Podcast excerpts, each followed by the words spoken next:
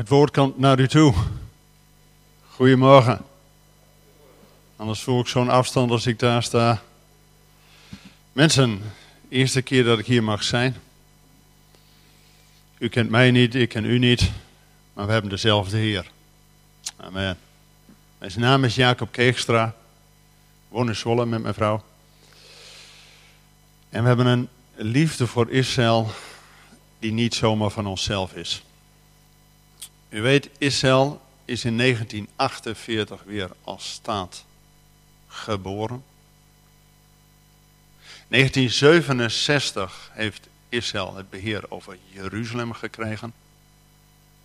En in 1980 hebben ze Jeruzalem tot eeuwige onverdeeld hoofdstad van Israël uitgeroepen.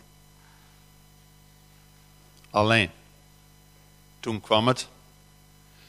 Toen hebben dertien landen onder druk van de Arabische olie en boycott, hebben ze hun ambassades uit Jeruzalem weggehaald. De laatste in de rij, nummer 13, met de staat tussen de benen, was Nederland. Toen hebben we geestelijk bakzeil gehaald. Alleen waren christenen die op het Loofhuttenfeest in Jeruzalem waren. En die kwamen uit Nederland, Duitsland, Zuid-Afrika, Amerika, weet ik wat voor landen allemaal. En die zeiden, ja, dat kan onze regering wel doen. Wegtrekken uit Jeruzalem. Maar wij als christenen willen juist nu wel achter Israël staan. En hebben toen in Jeruzalem een internationale christelijke ambassade in Jeruzalem geopend. En die zit al 38 jaar in Jeruzalem. Als ambassadeurs van Christus zijn we in Jeruzalem. Naar Israël toe. Maar we zitten ook inmiddels in 140 landen. En mijn vrouw en ik zijn de vertegenwoordigers van de afdeling hier in Nederland. Nou, dit gaat, deze dienst staat in teken van dat we alle zegen via Israël ontvangen hebben. Romeinen 15 zegt dat we niet alleen Gods woord hebben ontvangen, door 40 Joodse schrijvers opgeschreven. Was geen Nederlander bij die dat opschreef. Ook Jezus is 42 generaties 100% Joods. En ook de eerste gemeente met Pinksteren, met de uitstorting van de Heilige Geest, en die eerste 120, en zelfs die eerste dag 3000, waren 100% Joods. Er was nog geen Nederlander bij. Dat heeft even geduurd voordat Nederland ook uh, op het toneel kwam. Maar God is via Israël al eeuwenlang bezig om ons te zegenen. En wij als christelijke ambassade willen daar ja, ook onze uitgestoken hand als christenen, als ambassadeurs van Christus, ook naar Jeruzalem vertegenwoordigd zijn. Na afloop kunt u rustig bij de stand iets uh, over de nieuwsbrief. En ik begreep al dat er een reis is in november. U hoeft niet tot november te wachten en niet naar Israël uh, helemaal af te reizen. Om toch ook eind augustus op de conferentiecentrum De Bettelt een heel Israël weekend mee te maken. Om uh, niet alleen hier een klein voorproefje, maar dan een heel weekend daardoor gezegend te worden. Um, in de, het gebed vooraf werd duidelijk gezegd, laat je leiden door Gods geest. Afgelopen week waren mijn vrouw en ik in een van die landen waar het met open armen ontvangen wordt, de boodschap over Israël. We waren in Albanië. Misschien herkent u dat nog als jaren geleden was dat een gesloten land. Was notabene het eerste atheïstische land ter wereld. Want ze wilden nog fanatieker zijn dan Rusland of China bij elkaar. En nu de laatste 25 jaar is Albanië open voor het evangelie. En we zijn kleine gemeentes. We hebben zeven gemeentes mogen spreken in een week. Allemaal jonge voorgangers, jonge mensen. En ze hebben een liefde voor Gods woord en een liefde voor Gods volk. Daar konden wij nog een hoop van leren. Ik wil graag spreken over het thema van herstel. En ik hoop dat u een Bijbel hebt meegenomen. We lezen Handelingen 1, vers 6. Ik geef dit even aan mij.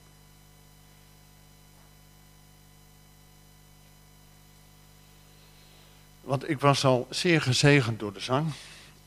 Dat de zang, de liederen, dat dat niet alleen over je persoonlijk heil is, maar over een opwekking wereldwijd. En dat er over Israël gezongen is, de leeuw van Juda. En dat het ook ons eigen verlangen is van Heer, doe met ons wat u wilt. Nou, over deze drie deling wil ik graag met u spreken vanuit het thema van herstel. U weet, als voorbereiding op de, de tekst die we lezen, handelingen 1, Jezus Christus had maar één boodschap. Bekeert u, want, u weet het, het koninkrijk der hemelen is nabij. U bent stil. Of bent u niet gewend dat uh, vragen en antwoorden? Het, Hebreeuwse manier van denken is door vragen, uh, kom je erbij en dan uh, leer je wat. Ik werk verder door de week in het onderwijs. Je leert helemaal niks als een docent alleen maar een verhaal staat te houden. Daar leer je helemaal niks van. Maar pas als je zelf vragen hebt, je moet met heel veel vragen komen, niet bij mij, maar aan Gods woord. Dan ben je getriggerd om een antwoord. En Gods woord geeft ook het antwoord. Jezus had maar één boodschap. Bekeert u, want het koninkrijk der hemelen is nabij. Amen. En zelfs na dood en opstanding heeft Jezus nog veertig dagen gepreekt aan zijn discipelen over het koninkrijk der hemelen. En dan is de allerlaatste vraag, voordat Jezus naar de hemel ging, terug naar zijn vader. Dus mooi nagaan, hebben die discipelen al drieënhalf jaar onderwijs gehad over het koninkrijk? Ze begrepen dat nog niet helemaal hoe dat nou precies zat met kruis en opstanding. Maar na de opstanding kregen ze nog veertig dagen onderwijs over het koninkrijk der hemelen. En dat is de allerlaatste vraag van de discipelen, die lezen we in Handelingen 1, vers 6. Zij dan die samengekomen waren, vroegen aan Jezus, Heer, zult u in deze tijd voor Israël het koninkrijk weer herstellen? En Jezus zegt niet, dat is een slechte vraag. Zegt alleen, de tijd is niet aan u om dat te weten. Maar gij zult kracht ontvangen van de Heilige Geest. En dan zult gij mijn getuigen zijn te Jeruzalem en Judea, Samaria en tot het uiterste der aarde. Wij hebben dat vaak zo gelezen dat het evangelie eerst in Jeruzalem is verkondigd, dan in de rest van Israël en dan huppedee snel naar het uiterste der aarde. Maar God zegt, gij zult mijn getuigen zijn te Jeruzalem en te Judea, Samaria en tot het uiterste der aarde. Dus twee derde van de grote opdracht gaat over Israël. Nou, de vraag van de discipelen is, herstelt gij nu, in deze tijd, het koninkrijk voor Israël? En Jezus had toch steeds gesproken over het koninkrijk der hemelen. Hoe zat dat dan met dat aardse koninkrijk van Israël? Daar wil ik graag met u over nadenken.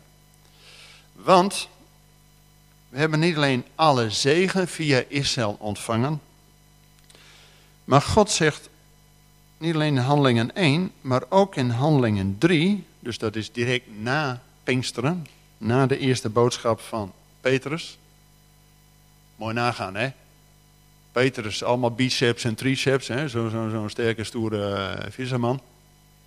Maar uit angst voor de Joden zat hij tien dagen in zo'n zaaltje. Totdat de kracht van de Heilige Geest over hem komt en één preek van Petrus, dat wil zeggen, door de zalving van de Heilige Geest, komen er 3000 mensen tot geloof. Wauw. En dan zegt hij in Handelingen 3, vers 21. Nou, laat ik beginnen bij vers 19 om de context te snappen. Zegt Petrus precies hetzelfde als Jezus ook. Kom dus tot inkeer en bekeert u. Opdat uw zonden uitgewist worden en er tijden van verkwikking zullen komen van het aangezicht van de Heer. En hij Jezus Christus zal zenden die tevoren aan u verkondigd is. En dan komt hij. Hem, dat is dus. Jezus moest naar de hemel gaan, dus de hemel moest hem ontvangen tot de tijden waarin alle dingen worden hersteld. Waarover God gesproken heeft bij monden van al zijn heilige profeten door de eeuwen heen. Tot zover. Dus vanuit deze Pinksterboodschap, Jezus komt niet weer terug. Totdat. Totdat herstel van alle dingen heeft plaatsgevonden. Dus zo lang moet de hemel Jezus ontvangen. Totdat. Totdat de tijd der wederoprichting alle dingen. Nou, en waar gaat dat over? Dat gaat over herstel in de gemeentes. Herstel in Israël. Maar ook herstel voor onszelf. Is gewoon een klassieke verkondiging, drie punten, makkelijk te onthouden. Wereldwijd opwekking, daar werd al van gezongen. Weet u, vanuit Pinksteren Vanuit Jeruzalem is het evangelie de wereld rondgegaan. Die eerste generatie apostelen, door de leiding van de Heilige Geest, hebben de toenmalig bekende wereld met het evangelie bereikt. Paulus ging naar Rome en zelfs tot Spanje toe. Thomas ging naar India. Die kameling ging weer terug naar Ethiopië. En die andere apostelen waren ertussenin. Het hele toenmalig bekende wereld, het Romeinse Rijk, is in één generatie met het evangelie bereikt. Wauw. Alleen het heeft daarna duizend jaar weg gehad om heel Europa, ook Nederland te bereiken. Pas met Columbus, een bekeerde Jood, is het evangelie naar Amerika gegaan. En u weet, sinds 1500 heeft God de gemeentes wereldwijd weer verder willen herstellen. We kregen eerst de golf van de reformatie, dat we door Luther, Calvijn en vooral de boekdrukkunst weer zelf Gods woord konden lezen. 500 jaar geleden. Daarna kregen we de volgende eeuw de baptisten. Dat we niet alleen Gods woord moeten lezen, maar ook geloven. Daarna kregen we de golf van de Pinksterbeweging, 100 jaar geleden. Dat we niet alleen Gods woord moeten hebben en het woord geloven, maar ook Gods geest nodig hebben. 50 jaar geleden kregen we de charismatische vernieuwing. Dat we niet alleen Gods woord moeten hebben, dat woord moeten geloven, Gods geest moeten hebben, maar ook de gaven van de geest en de vijfvoudige bediening voor de gemeentes. Apostel, profeet, evangelist, herders en leraar, om de gelovigen toe te, rijden, toe te bereiden tot dienstbereid. God gaat verder om zijn bruid rein te maken, te herstellen voor de wederkomst. En we zien ook golven van de evangelisatie de wereld overgaan. Na Europa, naar Amerika toe sinds de uitstorting van de Azusa Street Revival, 1906. En dat vuur van de Heilige Geest is nu in Brazilië. Al 30 jaar lang is daar een opwekking aan de gang. Dat wil zeggen, zeven dagen in de week, 24 uur per dag, ieder uur van de dag wordt daar een kerk geopend. In Nederland wordt iedere week een kerk gesloten. Aan de andere kant van de wereld wordt er ieder uur van de dag een kerk geopend. Maar inmiddels is het evangelie verder gegaan. Het is nu al aan de andere kant van de wereld. De grootste kerken ter wereld zitten in Zuid-Korea. Alleen al die ene kerk van Yom Kippur heeft 1,2 miljoen leden. Zo. Dus ik weet niet wat voor visie u hebt voor gebouw. Maar 1,2 miljoen kan er nooit in. Is geen probleem. Eerste 100.000 die komen gewoon s ochtends 8 uur.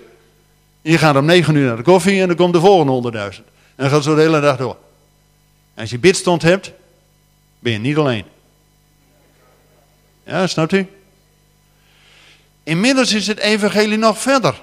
China, al 10% is christen. 130 miljoen. De laatste hobbel voordat het evangelie terug is in Jeruzalem, is de Arabische wereld. Maar er komt nog verzoening tussen Jacob en Esau. Gods woord is duidelijk. Maar er is herstel in de gemeentes om de bruid van Christus rein te maken door iedere keer weer een volgende golf om dichter te groeien naar het beeld van Christus. Maar God is ook bezig in Israël. Hoe weet ik dat? Toen Jezus als babytje in de tempel gebracht werd, gewoon als babytje door zijn ouders, waren daar die twee ouden vandaag, Simeon en Anna. En die profeteerden drie dingen over dat babytje Jezus. U kunt het lezen in Lucas 2. Hij zal zijn licht tot openbaring voor de volkeren. Nou, daar hebben we het net over gehad. Dat het evangelie de wereld over gaat. En Jezus kan pas terugkomen als het evangelie de wereld rond is. Heel simpel.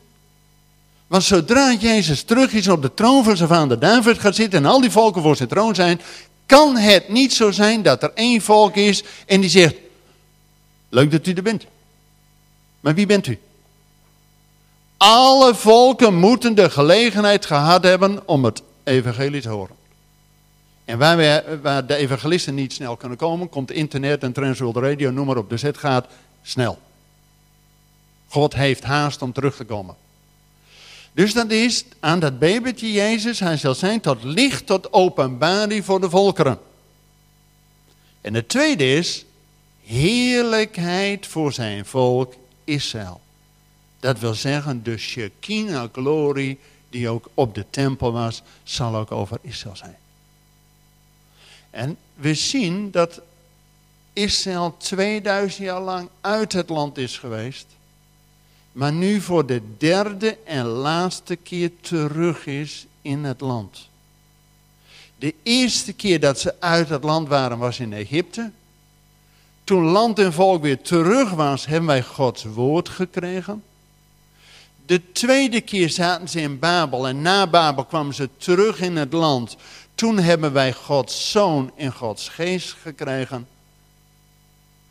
Nu Israël voor de derde en laatste keer terug is in het land, welke zegen kunnen wij dan verwachten? Als we alles al hebben, Gods woord, Gods zoon en Gods geest, wat hebben we nog nodig? De wederkomst. Dat is waar het allemaal om draait. En daartoe ook die heerlijkheid over zijn volk. Weet u, u kent misschien Ezekiel 36 dalde door het doodspenderen. Nou, het is gedaan, hoop is vervlogen, de holocaust. Het is gewoon eindoefening. En dan moet Ezekiel profeteren over die dode botten. Nou. God vraagt hem, Ezekiel, kunnen die botten herleven? Nou, dan doet Ezekiel een tactisch antwoord.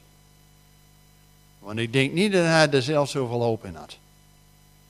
Maar God vraagt aan Ezekiel, kunnen die botten weer herleven? Dan zegt Ezekiel, Heer, u weet het. En dan moet Ezekiel in opdracht van God, moet profiteren over die botten. En die komen aan elkaar, vel erover. Maar geest is in hen nog niet. En dan moet Ezekiel een tweede keer profiteren tot de geest die uitgestort is tot de vier windstreken. Dus tot drachten toe. Dat de Heilige Geest ook over hen gaat komen, zodat het een machtig leger van Joden gaat worden. En weet u wat de naam Juda, Joden, betekent? Godlovers. Dat ze ons voorgaan om God te loven en te prijzen. Want niet alleen Gods woord hebben vanuit Israël, ook de eredienst.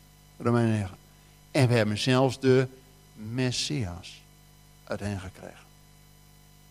Leest u Romeinen 9. Dus God is nu vanaf 1948 heel duidelijk aan het herstellen. En God begon natuurlijk al bij Abraham met zijn verbond. In u zullen alle volken gezegend worden. Wist u dat Abraham geboren is in het jaar 1948 vanaf Adam en Eva af? God is zo precies. Jongens, God waakt over zijn woord om dat te doen. En God herstelt zijn volk eerst in het natuurlijke, maar ook daarna in het geestelijke. En wij mogen als christelijke ambassade daarbij verbonden en betrokken zijn. Dat toen de Berlijnse muur viel en het communisme viel en de Joden uit Rusland weer naar Israël konden, hebben we 120.000 Russische Joden naar Israël gesponsord. Nu sponsoren we de Ethiopische Joden om naar Israël te komen. We sponsoren ook die Joden, de Bene Menashe, de zonen van de Menashe, uit Pakistan, die daar helemaal tussen alles in zitten. Maar het antisemitisme ook in Europa is niet weg, hè? Kijk wat er in Frankrijk gebeurt. Zelfs in Amerika, in een synagoge in Pittsburgh afgelopen jaar, zijn mensen, Joden, vermoord. Maar God gaat dat gebruiken ten goede, wat de vijand ten kwade probeert. God gaat het gebruiken ten goede, zodat God zijn herstelplan met zijn volk volvoert, dat hij de Joden eerst gaat vissen en daarna zelfs jagersgebieden, want God heeft haast om terug te komen. Hij wil dat zijn volk terug is. En dat gaat in twee fases. Eerst natuurlijk, dat ze gewoon terugkeren naar het land. Maar Israël is nog geen heilig land, hè? Ze zijn nog behoorlijk seculier. Maar we weten, Gods woord gaat dat in twee fases doen. Eerst terug naar het land. En zodra ze terug zijn in het land, zal God rein water over hen springen. Hart van steen eruit en hart van vlees, zodat ze hem zullen ontmoeten. En daar komt het plan van God ook met ons in. Wij die Gods Zoon en Gods Geest al ontvangen hebben. Dat we ook bidden dat God tot zijn doel komt en zijn geest gaat geven over zijn volk. Zodat we samen uitkijken naar die grote dag dat Jezus weer komt. Want al aan dat babytje Jezus werd drie dingen verkondigd. Hij zal zijn tot licht, tot openbaring voor de volkeren. Heerlijkheid voor zijn volk Israël. En verlossing van Jeruzalem. Want Jezus zegt, Jeruzalem, Jeruzalem, die de profeten doden stenigt, gij wordt aan uw lot overlaten. Totdat. Totdat ook gij zegt, gezegend hij die komt in de naam des Heren. Jezus kwam de eerste keer incognito om het plan van God te volvoeren, om herstel te geven, herstel te geven voor ons. En niet alleen voor ons, maar zelfs voor de hele schepping. Romeinen 8 zegt, de hele schepping zucht en in is badersnood voor de verlossing. Ik vond het bijzonder dat aan het begin van de dienst werden twee namen genoemd van mensen die ons zijn voorgegaan. Weet u, uiteindelijk is niet alleen de schepping die zucht op de verlossing, Maar 1 Korinthe 15, dat ook wij verlost worden uit ons lichaam. Zodat we een verheer lichaam zullen hebben zodra Jezus weer komt. Mensen, wij hebben een visie als gemeente. Alleen die visie moet wel goed in ons doordringen, zodat we gefundeerd zijn en daarover kunnen spreken. En weet u, dat hele herstelplan van God, in het centrum staat het kruis. Als herstel de mogelijkheid om weer tot God een relatie met de eeuwige te hebben. Maar dat gaat ook wereldwijd. Herstel met zijn gemeentes. God gaat zijn bruid gereed maken voor de wederkomst. Maar gaat ook zijn volk en zelfs zijn stad gereed maken voor de grote komst. Weet u, ook als een woord voor ter bemoediging voor onszelf. Wij mogen als christenen meehelpen aan dat herstelplan van God. Als we zelf gereinigd en geheiligd zijn door het bloed van het lam, dat Jezus onze Heer en Heiland is, en dat we ook gevuld en geleid worden door Gods geest, mogen wij niet alleen afwachten en zitten wat er komt, maar actief meedoen in het plan van God. God zegt in Jesaja 60 dat zelfs heidenen zullen meebouwen aan de muren van Jeruzalem. Om die stad mooi te maken voor de komst van de Messias. God wil ons invoegen in het plan van herstel van zijn volk. En daarom lezen wij in Psalm 122, bid voor de vrede van Drachten. Nou, dat is een Bijbelse opdracht. Bid voor de overheid, zodat wij een gerust leven mogen hebben. Maar niet alleen voor ons eigen hachie bidden wij.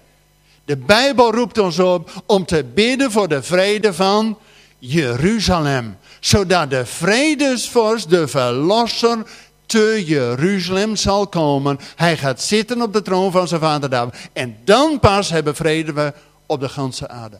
Tot die tijd zullen we een hoop strijd hebben. Daarom is het goed om als gemeente de visie te hebben dat wat er ook gebeurt, heeft uw hoofd op, want uw verlosser is nabij. Amen. Zullen we daar eerst voor bidden, mensen? Voordat we dat ook met liederen gaan beamen. Mag ik u voorgaan in gebed?